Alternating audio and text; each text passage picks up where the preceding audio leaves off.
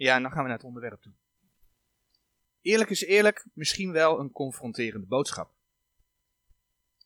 Maar het is wel Gods woord. ik ga het, uh, ik, we gaan het uit Gods woord zien dat de Heer dingen van ons vraagt. En dat dat ook belangrijk is. Je ziet het al aan het thema, zijt heilig, want ik ben heilig. De laatste weken zijn we bezig geweest met het onderwerp de gemeente. En daar komt ook dit thema uit. Eigenlijk is dit deel 6 in, in het thema van de gemeente. Dit heeft met de gemeente te maken. Met de lokale gemeente ook. We hebben gezien dat iedereen die de Heer Jezus heeft aangenomen, ingedoopt wordt hè, met de wedergeboorte in het lichaam van de Heer Jezus. Dat lichaam van de Heer Jezus dat ook gewoon de gemeente genoemd wordt. Of ook wel, en dan komt hij, dat was Efeze 2, die tekst laat ik zo nog zien, een heilige tempel in de Heer. Je voelt hem al aankomen, zijt heilig, want ik ben heilig. Het lichaam van de Heer wordt een heilige tempel in de Heer genoemd. Of een woonstede Gods in de geest. De Heer Jezus is het hoofd, de gemeente is het lichaam. Maar we hebben ook gezien dat de Heer in zijn woord spreekt over gemeente als lokale gemeente. Dus daar waar kinderen van God samenkomen, hier op aarde. Nou, we hebben gezien dat, uh, dat lokale gemeente, dat die volharden in de verkondiging van de woorden Gods, dat die volharden in het gebed, dat die volharden in de gemeenschap, dat ze eendrachtig zijn, dat ze het woord Gods ook uitdraagt. Dus niet alleen de verkondiging in, maar naar buiten toe. Want het woord Gods moet de wereld in. Een lokale gemeente heeft en geeft vrees voor God, hebben we gezien. Een lokale gemeente geeft blijmoedig, is verheugd en prijst God. En de laatste keer hebben we dan stilgestaan bij de ordening die de Heere God in de lokale gemeente geeft. Nou, terwijl we over die ordening spraken, zagen we onder andere dat de Heer allerlei eisen stelt en dan bladeren we naar 1 Timotheus. Allerlei eisen stelt aan de ouderlingen, de voorgangers en de diakenen ook. 1 Timotheus 3 gaat daarover. En enkele versen daaruit hebben we vorige week ook langs zien komen. En ja, dat is niet het enige gedeelte hoor, wat eisen stelt. Als je naar uh, Titus 1, vers 5 tot en met 9 kijkt, en als je in 1 Petrus 5, vers 1 tot en met 4 kijkt, dan worden daar ook een aantal eisen opgesomd. En als je dat alles op een rijtje zet, dan vraag je je af wie daar überhaupt aan voldoet. 1 Timotheus 3 vers 2, ik heb het je laten opzoeken. Vers 2 spreekt over onberispelijk zijn. Poeh. En dat eigenlijk op verschillende vlakken. Nou, niemand is volmaakt. Ouderling ook niet. Voorgangers ook niet. Maar de eisen zijn wel te begrijpen als je bedenkt dat ouderlingen moeten regeren, want dat hebben we vorige keer gezien, ouderlingen regeren. Ouderlingen moeten regeren binnen een heilige tempel. Oeh, dat is wat de gemeente is. Gemeente met hoofdletter in eerste instantie. Hè. Zijn lichaam is een heilige tempel. Maar we zagen dat de lokale gemeente daar wel een afspiegeling van is. Ik heb de tekst hierop gezet. Efeze 2 vers 21. Op welke het gehele gebouw bekwamelijk samengevoegd zijnde opwast tot een heilige tempel heilige tempel in de Here. Als gemeente en lokale gemeente zijn we uit de wereld getrokken. We zijn eruit getrokken. Handelingen 15 vers 14 spreekt daarover, gelaten 1 vers 3 en 4. Een wereld die in het boze ligt. Een wereld die door de zonde onrein is ten opzichte van God. Ik gooi er al even weer een woordje bij in. Een wereld die onrein is door de zonde ten opzichte van God. En dan bouwt de Heer van die mensen die uit die onreine wereld komen, een heilige tempel in de Here. Ja, dan komt hij. Maar dat houdt in dat de Heer wil dat we als gemeente heilig zijn. Ouderlingen moeten het voorbeeld geven. 1 Petrus 5 vers 3. Dus daar komen die eisen vandaan. Maar vergis je niet. De Heer vraagt van al zijn kinderen om heilig te zijn. De Heer vraagt ook van jullie, als kinderen van God, om heilig te zijn. Laten we allereerst een gedeelte lezen uit 1 Thessalonicense 4. En dan gaan we de eerste acht versen van lezen. Voorts dan, broeders, 1 Thessalonicense 4 vanaf vers 1. Voorts dan, broeders, wij bidden en vermanen u in de Heer Jezus, gelijk gij van ons ontvangen hebt, hoe gij moet wandelen en Gode behagen, dat gij daarin meer overvloedig wordt. Dat spreekt dus ook over een soort groeiproces meer overvloedig worden in God te behagen door je wandelen. Want wij, gij weet wat bevelen wij u gegeven hebben door de Heer Jezus. Want dit is de wil Gods, uw heiligmaking. Want dit is de wil Gods, uw heiligmaking. En dat gij u onthoudt van de hoerij. Dat een iegelijk van u weten zijn vat te bezitten in heiligmaking en ere. Niet in kwade beweging der begeerlijkheid, gelijk als de heidenen die God niet kennen. Dat niemand zijn broeder vertreden, noch bedriegen in zijn handeling. Want de Heere is een wreker over dit alles gelijk wij u ook tevoren gezegd en betuigd hebben. Want God heeft ons niet geroepen tot onreinheid, maar tot heiligmaking. Daar heb je weer. Want God heeft ons niet geroepen tot onreinheid, maar tot heiligmaking. Zo dan die dit verwerpt, die verwerpt geen mens, maar God, die ook zijn heilige geest in ons gegeven heeft. Als we in het Oude Testament gaan kijken, dan zien we daar al veel over het feit dat de Heere God heilig is. In de wet bijvoorbeeld, als je in Leviticus 11 vers 45 gaat kijken. Leviticus 11 vers 45. Want ik ben de Heer, die u uit Egypteland doe optrekken, opdat ik u tot een God zij en opdat gij heilig zijt, dewijl ik heilig ben, omdat ik heilig ben. Dat vroeg God van Israël. Nu staat dat vers te midden van de geboden over reine en onreine dieren. Hè? Wanneer men onder de wet bepaalde dieren at, die onrein waren, dan waren mensen onrein. En als mensen dan reine dieren hadden, dan uh, aten, dan waren ze rein ten opzichte van God. Dus als men onrein was, was men niet heilig voor God. En dan lezen we in het Oude Testament over veel heilige dingen. Over heilig land, Exodus 3 vers 5. Mozes moest de schoenen van zijn voeten doen, want hij stond op heilig land. Over een heilige Sabbat, Nehemia 9 vers 14. Over heilige priesterkleding. Exodus 28 vers 2. Over heilig brood. 1 Samuel 21 vers 6. Over een heilig altaar in de tabernakel. Exodus 29 vers 37. Een heilige samenroeping in Leviticus 23 vers 8. Een heilig offer. Ezekiel 48 vers 20. Een heilige stad in Nehemia 11 vers 1. En ik denk niet dat ik uitputtend ben. Heilig, heilig, heilig, heilig, heilig. Heilig betekent in feite, en dan bladeren we naar Leviticus 20, apart gezet zijn voor God. In Leviticus 20, vers 26, daar lezen we. En gij zult mij heilig zijn, want ik, de Heere, ben heilig. En ik heb u van de volken afgezonderd, opdat gij mijne zoudt zijn. God was heilig, God heeft Israël afgezonderd van de volken, dus God zei tegen Israël, jullie gaan heilig zijn. Gods opdracht. En in dat kader zijn dus ook al die dingen in het Oude Testament allemaal heilig. Ze waren afgezonderd voor de Heere God. Ze mochten niet met onreinheid in aanraking komen. Dat lees je ook bij de priesterkleding. Als ze naar buiten gingen, moesten ze eerst de kleding uitdoen die ze binnen gedragen hadden. Omdat ze buiten met het onreine in aanraking zouden komen. De Heere God is perfect. En dat is ook wat hij van zijn volk vroeg. Nou, het volk Israël had allemaal geboden zodat ze wisten hoe ze rein konden zijn voor God. Hoe ze heilig konden zijn voor God. En de priesters hadden daar een taak in als we terugbladeren naar Leviticus 10 vers 10. Leviticus 10 vers 10. Dan lezen we daar. En om onderscheid te maken tussen het heilige en tussen het onheilige. En tussen het onreine en tussen het reine. Zo kun je ook een tekst in Ezekiel 44 vers 23 lezen. En dan lees je in Leviticus 10 vers 11 dat de priesters dat volk dat moesten leren. Mensen moesten dus leren om onderscheid te maken tussen hetgeen heilig was en hetgeen onheilig was.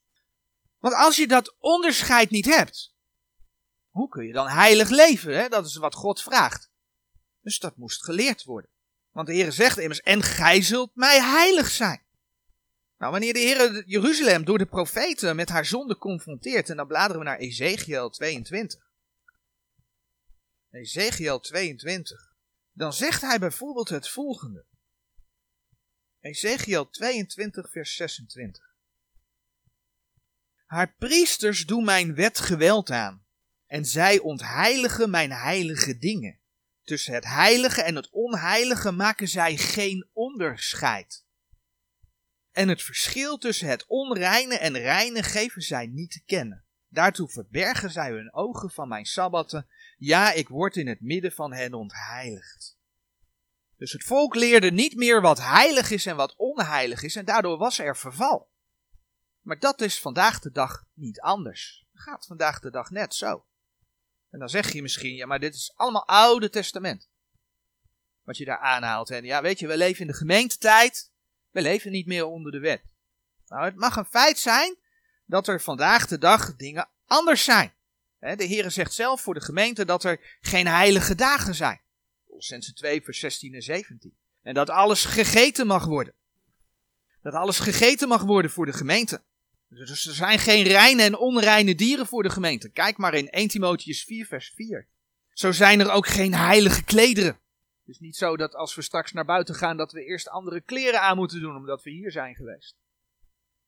Maar dat neemt niet weg dat de Heer over zijn geest spreekt als de Heilige Geest. Dat maakt, neemt niet weg dat als de Heer Jezus in Handelingen 3, vers 14 beschreven wordt, dat hij beschreven wordt als de Heilige. Dat neemt niet weg dat we in Johannes 17, vers 11 lezen over Heilige Vader. Dat neemt niet weg dat we lezen dat Gods woord, wat we gekregen hebben, de Heilige Schriften genoemd wordt. Romeinen 1, vers 2, 2 Timotheus 3, vers 15. En zo zagen we dus dat ook de gemeente een heilige tempel is. Een heilige tempel. Zo spreekt de Heer in 1 Thessalonicense 5 vers 27 over heilige broeders. En als je verder in het Nieuwe Testament gaat zoeken, kom je nog wel andere voorbeelden tegen. Dus ja, er is een verschil tussen wet en gemeente. Bijvoorbeeld dat wij niet door de werken der wet behouden worden. Er zijn er die zeggen, ja, je moet wel heilig leven, anders ga je alsnog verloren. Daar is een groot deel van de, de verschillende heiligmakingsbewegingen zijn daarop gestoeld. En dan kun je bepaalde stappen ondergaan om heilig te worden. Nee, dat is niet wat de Heere God in zijn woord laat zien. We worden niet behouden door werk. Efeze 2, vers 8 en 9. De boodschap is duidelijk. Behoud is uit genade, door geloof. Maar dat neemt niet weg dat we een opdracht hebben om heilig te zijn. En ja, dat heeft dus ook met wilsbeslissingen te maken. In 1 Thessalonicense 4, vers 7 hebben we het vanmorgen gelezen. Want God heeft ons niet geroepen tot onreinheid, maar tot heiligmaking. En als we dan nog 1 Petrus 15, 1 Petrus 1, vers 15 en 16 erbij pakken. 1 Petrus 1, vers 15 en 16. Dan lezen we het ook nog. 1 Petrus 1, vers 15. Maar gelijk hij die u geroepen heeft heilig is, zo wordt ook gij zelf heilig in al uw wandel. Daarom dat er geschreven is, zijt heilig, want ik ben heilig. De Heer wil dat wij ook vandaag de dag heilig leven.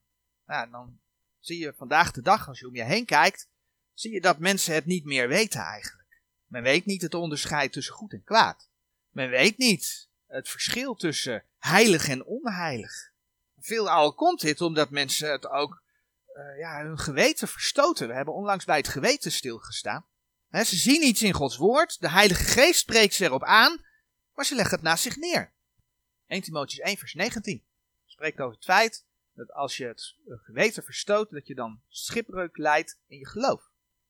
1 Timotheüs 1 vers 19. Onder het mom van God is toch liefde. Of ze hebben het geweten dichtgeschroeid. Als je maar veel naar de verkondiging van leugenprekers prediks luistert, zegt Gods woord, 1 Timotheus 4 vers 2, zijn niet mijn woorden. Als je maar veel naar leugenpredikers luistert, gaat het vanzelf. Dus groei je je geweten dicht. Nou, denk aan die hele rits met nieuwe vertalingen en de moderne verkondiging die daaronder gebouwd is. Dan heb je het plaatje compleet, toch? Weet je, dat gaat vanzelf. Mensen leren dus niet meer het verschil, want als je het heilige eruit haalt, nou, misschien moet je het onheilige er ook uithalen. Hoe kun je dan het verschil nog leren tussen heilig en onheilig? Mensen willen dat niet, dus ze halen het eruit.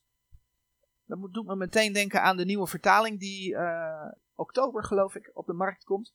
Want ja, er moest natuurlijk een nieuwe Bijbelvertaling komen. In 2000, wat was het? 2004? Nieuwe Bijbelvertaling. Maar je snapt wel dat we amper 10, 20 jaar verder zijn.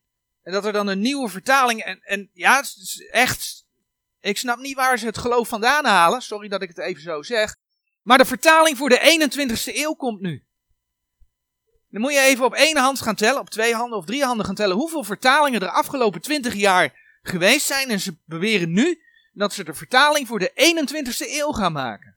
En hou je vast, ze hebben alle brieven die ze naar aanleiding van de eerdere editie gekregen hebben, hebben ze genomen.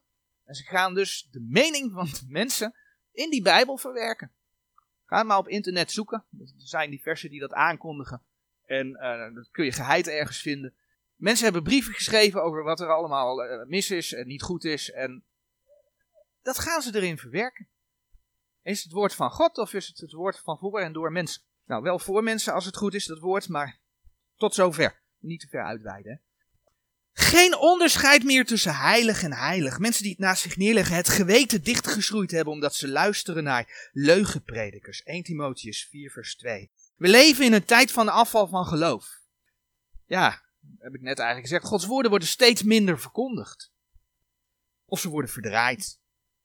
Maar als gelovige, 1 Korinthe 2 vers 12, heb je niet voor niks de Heilige Geest gekregen. En wat doet die Heilige Geest? 1 Korinthe 2 vers 12. Doch wij hebben niet ontvangen.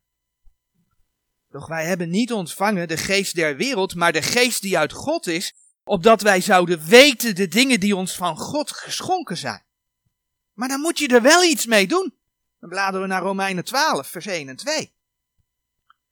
Ik bid u dan, broeders, door de ontfermingen Gods, dat gij uw lichamen stelt tot een levende, en dan komt die heilige en gode welbehagelijke offerande, welke is uw redelijke godsdienst. En wordt deze wereld niet gelijkvormig, maar wordt veranderd door de vernieuwing uws gemoeds. Opdat gij moogt beproeven welke de goede en welbehagende en volmaakte wil van God is. Ook hier lees je het weer. Wees heilig. Laat je door Gods woorden veranderen. De vernieuwing van je gemoed. En dat veranderen gaat dan echt niet alleen om de buitenkant. Hè? Het gaat er niet om dat je handelt naar iets waarvan je weet, dat wordt er van mij verwacht. Maar het gaat erom dat je aan de binnenkant verandert. En de Heer Jezus die gaf dat aan, onder andere in Matthäus 23 tegen de schriftgeleerden, de fariseeën. Matthäus 23 vers uh, eh, 25 en 26. Wee u, gij schriftgeleerden en fariseeën, gij geveinsde, want gij reinigt het buitenste des drinkbekers en des schotels, maar van binnen zijn zij vol roof en onmatigheid. Gij blinde fariseeën, reinig eerst wat binnen in de drinkbeker en de schotel is, opdat ook het buitenste dezelfde rein wordt. Als je jezelf alleen van buiten oppoetst, dan is dat schone schijn. Dan ben je van binnen, ja, nog net zo erg. En in Matthäus 23, de volgende twee versen, vers 27 en 28, zegt de Heer Jezus dan ook letterlijk tegen de fariseeën. Dat ze van buiten wel mooi lijken, maar dat ze van binnen vol doodsbeenderen en alle onreinheid zijn. En dat is niet de bedoeling.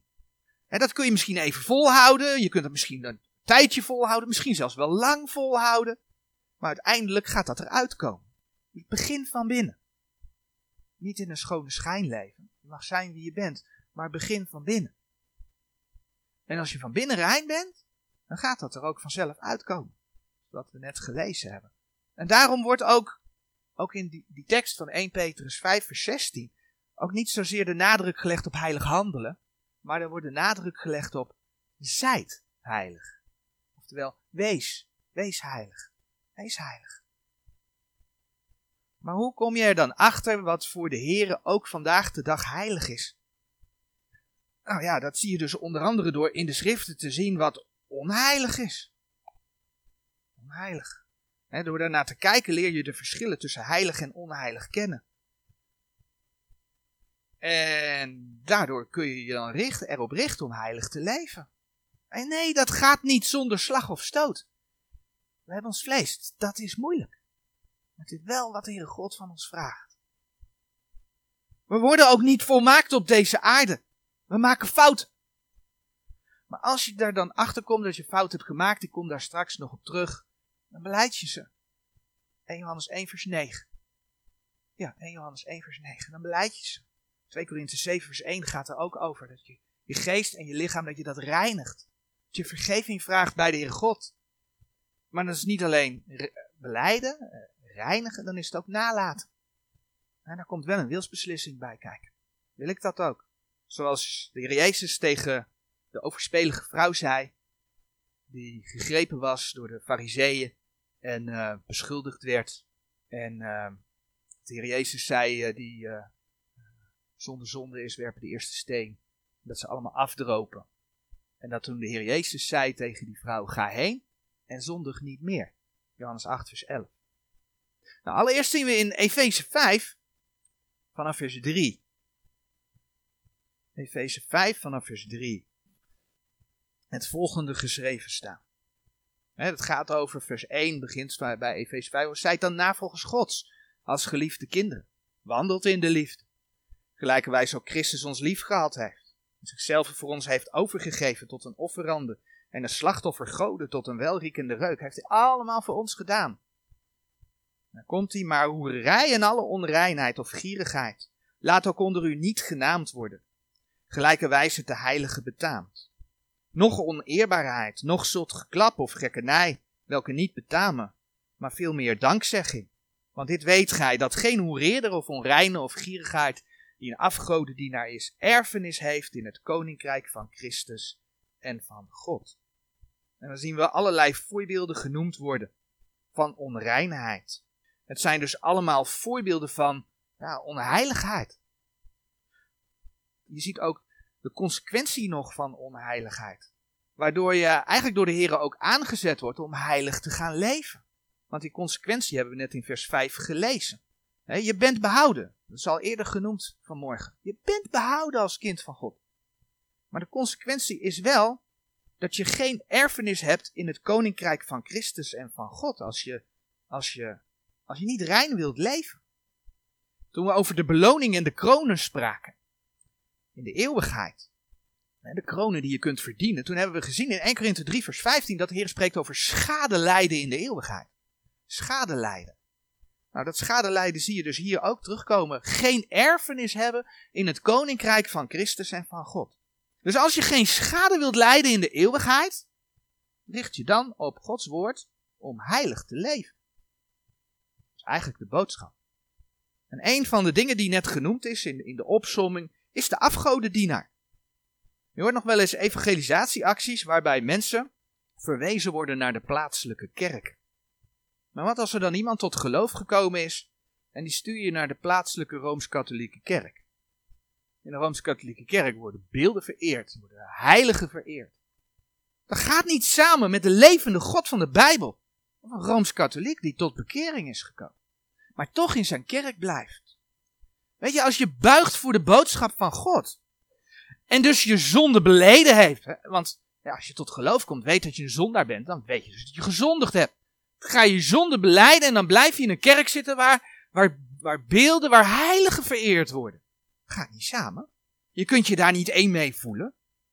Nou, als je daar blijft, leg je eigenlijk het woord naast je neer. Dan kan de Heer je niet leiden. En loop je de erfenis in de eeuwigheid mis. Maar weet je, dat gaat veel verder. En dan bladeren we naar Ezekiel. Want wij zijn niet Rooms-Katholiek en we zitten niet in de Rooms-Katholieke kerk. Dus leggen we naast ons neer. Veilig, want dat mag. Want ja, we zijn geen Rooms-Katholiek. Maar kijk eens in Ezekiel 14. Het gaat ons allemaal aan. Ook mij. Ezekiel 14, vers 3 en 4. Afgoden kun je namelijk ook in je hart hebben. Van binnen. Niet alleen de beelden die er zijn. Ezekiel 14, vers 3 en 4. Mensenkind, deze mannen hebben hun drekgoden in hun hart opgezet. Hoor hoe de Heer dat zegt, hè? Drekgoden. Drek is het. Maar ze hebben het opgezet in hun hart. Drekgoden. En hebben de aanstoot hun ongerechtigheid recht voor hun aangezichten gesteld. Word ik dan ernstig van hen gevraagd? Daarom spreek met hen en zeg tot hen, alzo zegt de Heere Heere, en ieder man uit het huis Israëls die de drekgoden in zijn hart opzet en de aanstoot zijner ongerechtigheid recht voor zijn aangezicht stelt en komt tot de profeet, ik de Heere zal hem als hij komt antwoorden naar de menigte zijner drekgoden. Zo. Dat is duidelijke taal. En ja, het is het Oude Testament. Maar laten we wel zijn, ook vandaag kun je dingen in je hart hebben die tussen jou en God instaan. Dingen die je belangrijker vindt dan de Heere God. Dat gaat ons allemaal aan. Staat de Heere God in je leven op nummer 1? Waar ben je het liefst mee bezig? Waar vul je je tijd mee? En als er dan iets op je pad komt, ben ik dan belangrijker of is de Heere God dan belangrijker? Dus staat de Heere God op nummer 1? Of ben je in feite, als God niet op 1 staat, afgod in je hart? Of ben je in feite een onheilige afgodendienaar? En daar moet een ieder voor zich over nadenken. Daar moet ook ik over nadenken. Dat is wel wat Gods woord laat zien. Een ander ding dat onheilig is, is hoererij. We lazen het al in Efeze 5. En de Heere God noemt het vaker in één adem met, met heilig zijn en onheilig zijn. In 1 Korinthe 6 vers 18 wordt gesproken over vliet de hoererij, vlucht van de hoererij. We lazen het in ons schriftgedeelte van vanmorgen in 1 Thessalonicense 4 vers 3 tot en met 5. Ik lees de versen nog een keer voor. 1 Thessalonicense 4 vers 3 tot en met 5. Als je over heiligmaking spreekt, kom je hier ook niet omheen. Nou, kijk naar de mensheid, dan weet je ook dat dit een heel groot thema is natuurlijk. Wordt in één adem genoemd. Want dit is de wil Gods uw heiligmaking, dat gij u onthoudt van de hoerij. We gaan vers 4 en 5 nog verder, dat een iegelijk van u weten zijn vat te bezitten in heiligmaking en ere, niet in kwade beweging der begeerlijkheid, gelijk als de heidenen die God niet kennen. Vorig jaar hebben we uitgebreid stilgestaan en de dia die hierin verwerkt is, die komt daar uit, die, uit die serie. Stilgestaan bij het huwelijk. Maar ook bij onderwerpen als hoerij, overspel en, en scheiden. En dat gaan we nu niet opnieuw doen. De audioopnames staan online, dus in ieder die dat wil, die kan dat naluisteren onder het thema te vinden van uh, de bruidegom en de bruid. Maar de Heere God, heel kort, heeft het huwelijk tussen man en vrouw gegeven en tegenwoordig wordt daar flink op ingehakt. Zien we ook wat ze de kinderen op de scholen aanbieden. En eigenlijk moeten we alles normaal vinden waarvan God zegt dat het niet normaal is. De wereld vindt het normaal als je met Jan en alle man het bed induikt. De andere variant met vrouwke en alle vrouw. Maar de Heere God noemt het hoerij. Hij zegt dat als man en vrouw bewust één vlees worden, dat je dan gehuwd bent. En anders is het hoerij. Maar juist dat, de ontrouw, is mode. En als je dan in 1 Thessalonicense 5 vers 22 kijkt, dan zegt de Heer het volgende. Onthoud u van alle schijn des kwaads. Onthoud u van alle schijn des kwaads. In Gods ogen is het onheilig als mensen seksualiteit bedrijven buiten het huwelijk. Dus als je je van alle schijn des kwaads wilt onthouden, dan zorg je, wat er in 1 Thessalonicense 4 vers, uh, vers 4 staat, dan zorg je dat je weet je vat te bezitten in heiligmaking en ere en niet in kwade bewegingen der begeerlijkheid, gelijk als de heidenen die God niet kennen. En dan wil de Heere God dat je ook binnen dat huwelijk niet gaat zitten rommelen, want dan hebben we het over overspel. Allemaal onheiligheid voor God. En waarom wil de Heere God dat je daar heilig in bent? Waarom wil de Heere God dat? Waarom wil Hij dat je daar heilig in bent? Omdat het een huwelijk een afspiegeling is van de relatie tussen de Heer Jezus en zijn gemeente. En de Heer Jezus is trouw. De Heer Jezus is trouw. En dat wil Hij dus ook van jou. En van mij. En besef dat je, en dan komen we bij 1 Korinthe 6, dat je eigen lichaam een tempel is van de Heilige Geest. Dat staat in uh, eh, 1 Korinthe 6, vers 19. En als je lichaam een tempel is van de Heilige Geest, zegt 1 Korinthe 6 ook, dan betekent het dat, dat, uh, dat hoerij een zonde is tegen je eigen lichaam. We gaan het zo lezen, maar je schendt je eigen, je schendt de tempel van de Heilige Geest. Je schendt je eigen lichaam, omdat Gods geest in je woont. Je schendt je lichaam, je schendt de tempel van God. Kijk maar in vers 19 en 20. Of weet gij niet dat uw lieder lichaam een tempel is des heilige geestes die in u is, dien gij van God hebt, en dat gij uw zelfs niet zijt. Want gij zijt, oh wacht even, vers 18, vliet de hoerij. Nee, want gij zijt duur gekocht, zo verheerlijk dan God in uw lichaam en in uw geest, welke godes zijn. Ik liep al even iets vooruit, we gaan zo meteen nog terugkomen. Maar hier lezen we dus, of weet gij niet dat uw lieder lichaam een tempel is des heilige geestes die in u is, die gij van God hebt, en dat gij uw zelfs niet zijt. Want gij zijt duur gekocht, zo verheerlijk dan God in uw lichaam. Daar heb je het weer. De Heere God wil dat we heilig leven. En in uw geest welke godes zijn. Oftewel, om terug te komen bij, uh, bij 1 Petrus 5 vers 16. Zijt heilig, want ik ben heilig. Een ander voorbeeld, wat we in Efeze 5 zagen is zot geklap of gekkenij. Dat heeft met de, dat staat in Efeze 5 vers 4 hebben we dat gelezen. Dat heeft met de zonde van de tong te maken. En als je dan bijvoorbeeld in Jacobus 3 vers 8 en, en vervolgversen gaat kijken, dan zie je dat de tong een onbedwingelijk kwaad genoemd wordt. Boe, een onbedwingelijk kwaad. Als we naar de wereld om ons heen kijken, dan kunnen de moppen nooit gek genoeg zijn. Ik word er wel eens een beetje moe van. Want als iemand dan weer gekscherend iets gaat zeggen, dat moet toch eigenlijk altijd, we hebben het er net een beetje over gehad, moet eigenlijk altijd, altijd met seks te maken hebben. Grapjes gaan van kwaad tot erger. Er wordt gevloekt. Allemaal met de tong. Onheilig, zegt de Heer God. Dus ook voor ons als geloof, hoe gaan we om met onze tong? Ook als we spreken met, of misschien wel over onze naasten. Hoe gaan we dan om met die tong? Gebruik je je tong heilig?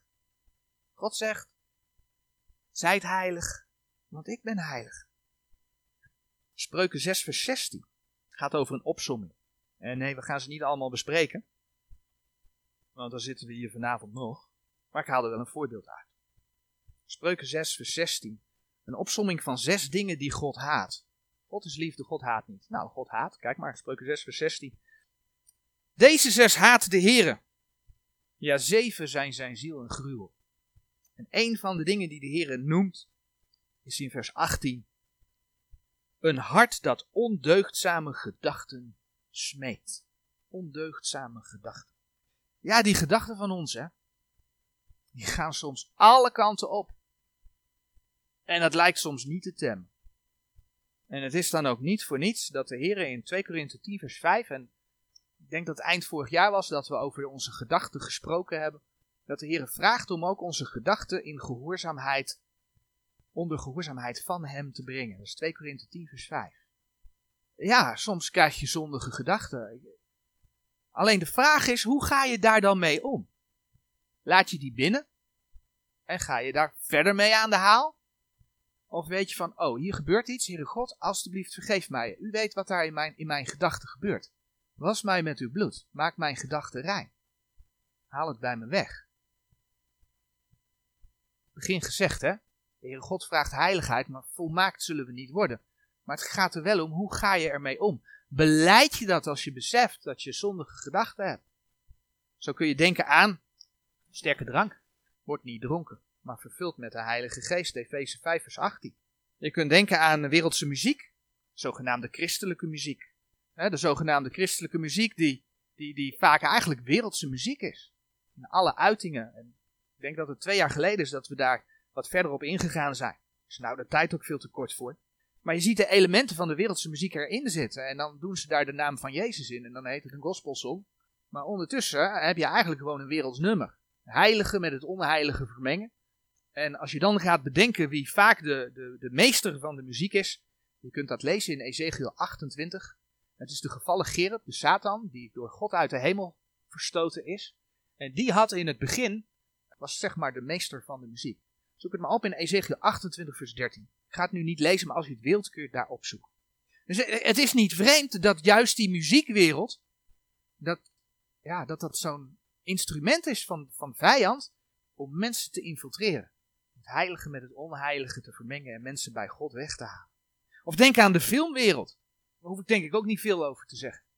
En toch heb ik een hele tijd geleden wel eens gezegd, ik kijk liever, niet schrikken, ik kijk liever naar een wereldse film dan dat ik naar de EO kijk. Waarom? Nou, de EO, weet je wel, uh, huigelachtig over Gods woord. Daar wil ik niks mee te maken hebben. Maar ik ga wel naar een wereldse film zitten kijken. En nee, dat was niet een film van, maar er zat wel geweld in. En wat er tegenwoordig ook heel vaak in zit, want ja, dat moet gewoon in een film zitten, anders kijken mensen er niet meer. Er zitten wel bepaalde scènes in, hè? Ik zal het verder niet, niet, niet in details gaan uitwerken. Dus waar wil je je mee? Al is dat niet de hoofdmoot van de film, maar het zit er wel in. Waar wil je mee? Met geweld, met seks, met alles waarvan de Heere God zegt: Ik wil het niet. En dat is ons pleziertje in de avond. Ik heb moeten leren om dat niet meer te doen. Wow. Weg die zooi. Je kunt beter met andere dingen bezig zijn. De heiligheid van onze Heer gaat niet samen met de onheiligheid van deze wereld. En we zijn toch uit die wereld getrokken? Dan moeten we ons er niet weer in nestelen. Zo zijn er vele voorbeelden meer te bedenken. En dan zegt de Heer 1 Petrus 5 vers 16, daarom dat er geschreven is, zijt heilig, want ik ben heilig. Dus als er dingen in je leven zijn die onheilig zijn, dan heb je wat te beleiden. 1 Johannes 1 vers 9. Dan heb je iets op te ruimen. Te zorgen dat je het aflegt. Vanmorgen in Efeze 4 hebben we daar een vers over gelezen. Je kunt het ook vinden in Romeinen 13 vers 12. Afleggen. Maar wat als je Gods woord naast je neerlegt? Als je niet heilig wilt zijn? Want het blijft een keuze. Het blijft een keuze. Als je niet heilig wilt zijn. We zagen al dat het je je erfenis kost. Dat het je erfenis kost. Maar het heeft ook effect op de lokale gemeente. Eerst de positieve kant. Als je vol bent van de Heilige Geest. Efeze 4, vers 15 en 16. Dan ga je groeien in je geloof. Je hebt vrijmoedigheid of er groeit iets van vrijmoedigheid om het woord uit te dragen. Handelingen 4, vers 31. Maar wat als je niet heilig wilt leven? Als je voor onheiligheid kiest. Nou, 1 Thessalonicense 4, vers 8 hebben we gelezen.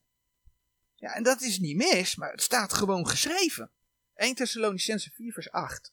Zo dan die dit verwerpt, die verwerpt geen mens, maar God, die ook zijn heilige geest in ons heeft gegeven. Lees je wat daar staat? Dat wordt tegen de gemeente gezegd. Je verwerpt God. Wordt niet tegen de wereld gezegd. Als je het verwerpt om heilig te leven, dan verwerp je God. En ja, laten we wel zijn, als je God verwerpt, wat zal dat doen met de Heilige Geest in je leven? Word je dan vervuld van de Heilige Geest? Denk het niet. Denk dat je dan eerder naar de teksten moet gaan zoeken dat je de Heilige Geest bedroeft. Efeze 4 vers 30. Dat je de Heilige Geest uitblust. 1 Thessalonicense 5 vers 19. Dan kun je niet groeien in geloof. Dan kun je geen, geen vrijmoedigheid hebben. Dan kun je daar ook niet in groeien. Want je geeft zijn geest niet de ruimte in je leven. Een voorbeeld. We blijven dicht bij huis, want we zijn met het thema gemeente bezig. Van de voorganger wordt verwacht dat hij een voorbeeld is voor de kudde. 1 Petrus 5 vers 3. Maar wat als hij Gods woord naast zich neerlegt? Al is het maar op bepaalde facetten. Wat doet dat met zijn autoriteit? Oh, daar heb je hem ook. Ik kan het wel vertellen. Maar hij legt het zelf naast zich neer. Maar wat doet het met de kudde? Dat zie je in deze, deze tijd met, met, met de afval van het geloof. Wat doet het met de kudde? De kudde gaat er achteraan. Schapen zijn een kudde, gaat er achteraan. Er zijn vast enkelingen die er niet achteraan gaan, maar schapen zijn een kudde. En je ziet het in deze tijd gebeuren. Daar komt de verval. Maar dan komt hij. Die verantwoording houdt niet op bij de voorganger. Laten we in 1 Thessalonicense 1 kijken. Vers 6 tot en met 8. Dan lezen we over voorbeelden zijn. En gij zijt onze navolgers geworden en des Heren het woord aangenomen hebbende in veel verdrukking met blijdschap des Heilige Geestes. In veel verdrukking. Alzo dat gij voorbeelden geworden zijt, al de gelovigen in Macedonië en Achaïe alzo dat gij voorbeelden geworden zijt. Want van u is het woord des Heren luidbaar geworden, niet alleen in Macedonië en Achaïe, maar ook in alle plaatsen is uw geloof dat gij op God hebt uitgegaan, zodat wij niet van noden hebben iets daarvan te spreken. Zie je wat hier staat? Het geloof van de gemeente der Thessalonicense is een voorbeeld geworden voor alle in Macedonië en Achaïe. Dat waren geen steden, dat waren gebieden. Dat was een groot deel van Griekenland. Een voorbeeld voor een groot deel van de gemeente in Griekenland. Dus als je gemeente, als gemeentelid heilig bent, Gods woord centraal stelt, daaruit leeft, zal dat een goed effect hebben op de omgeving. Het woord wordt verkondigd, het woord wordt geleefd. Maar je begrijpt dat als het lid niet heilig wil, als je als lid niet heilig wilt leven, als je als lid God verwerpt, dat dat als slecht voorbeeld ook uitwerking op de omgeving heeft. Dat de gemeente zelfs tot stilstand komt, omdat Gods geest zijn werk niet meer kan doen. En ja, het heeft allereerst invloed op jezelf. We zagen het al hè, voor wat betreft de erfenis. En kijk, en dan komt die tekst waar ik straks al even naar refereerde. Dat staat in 1 Korinthe 3, vers 16 en, en 17. 1 Korinthe 3, vers 16 en 17. Weet gij niet dat gij Gods tempel zijt en de geest Gods in uw lieden woont? Zo iemand de tempel Gods schendt, dien zal God schenden, want de tempel Gods is heilig, welke gij zijt. Toen ik deze dia gemaakt had, besefte ik, nou, dat is ja, wel confronterend eigenlijk. Maar dit komt gewoon uit Gods woord. Dat is wat je nodig hebt om te leren onderscheiden tussen heilig en onheilig. Te weten wat God van je vraagt. Dus eerst raakt het je persoonlijk, maar via jou heeft het invloed op de gemeente. Je geeft een verkeerd voorbeeld. En daarom is het zo belangrijk dat ieder persoonlijk zijn steentje, we hebben het over levende stenen, hè? Uh, eh, 1 Petrus 2 vers 5, dat ieder zijn steentje bijdraagt aan die heilige tempel in de Here. En daarom dat er geschreven is, zijt heilig, want ik ben heilig. 1 Petrus 1 vers 16 zegt dat. Voor jezelf en voor de gemeente. Ja, weet je, we maken fouten. We zijn mensen, we hebben te maken met ons vlees, er is een strijd gaande. Hebben we vanmorgen al eerder mee stilgestaan. Je kunt het beleiden, 1 Johannes 1 vers 9. Maar is er dan ook de wil om te proberen om het na te laten? En ja, er kunnen situaties zijn uit het verleden. Iemand die tot bekering is gekomen. In het verleden keuzes gemaakt heeft. Geen rekening gehouden met Gods woord, want dat kende je niet. En het hoeft niet eens van ongelovigen te zijn. Dat kan ook iemand zijn die, ja, naar een kerk ging van lang leven de lol. Als dat je nooit voorgehouden is, dan weet je dat niet. Maar dat doet er niets aan af dat je nu, met je kennis van Gods woord, wel goede keuzes kunt maken. Je mag je zonde beleiden, nogmaals. De tekst staat hier. Ik lees hem voor. 1 Johannes 1 vers 9. Indien wij onze zonde beleiden. Hij is getrouw en rechtvaardig dat hij ons de zonde vergeven en ons reinigen van alle ongerechtigheid. Van alles, hè? Dus niet alleen maar dit en niet alleen maar of alleen maar dat. Van alles. Hij reinigt van alles. En dan mag je wandelen met hem. Wandelen met hem. En dat zal met vallen en opstaan zijn. Maar geef je binnen dat wandelen wel gehoor aan de opdracht van de Heere. Daarom dat er geschreven is, zijt heilig, want ik ben heilig. 1 Petrus 1 vers 16. Of zoals de Heer Jezus zei tegen die overspelige vrouw, ga heen en zondig niet meer. Voordat ik ga eindigen, jullie voelen hem al aankomen, ik heb één tekst heel vaak herhaald. Dat is 1 Petrus 1 vers 16. Daarom dat er geschreven is, zijt heilig, want ik ben heilig. De helft kun je meespieken op het scherm. Laten we hem samen opzeggen.